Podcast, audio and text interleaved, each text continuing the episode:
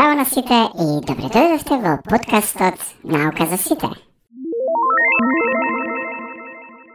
Кога прв пат отидов во, во Канада, мене ми беше многу на културолошки шок, што се вика.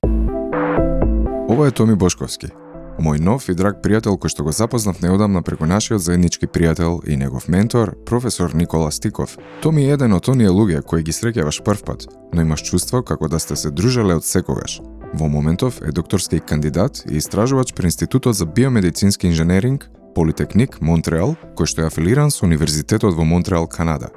Неговите истражувања се фокусираат на конектомиката, односно тоа е наука која се занимава со мапирање на мозочната поврзаност и квантитативната магнетна резонанца.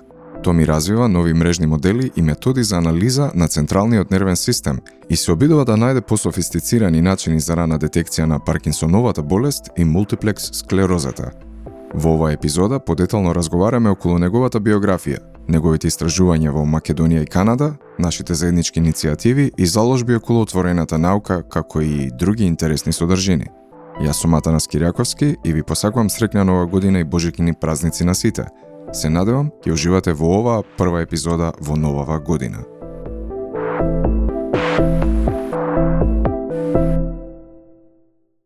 Кога замина првпат во, во Канада? Во Канада заминав на а, 29 или 30 а, јули 2016.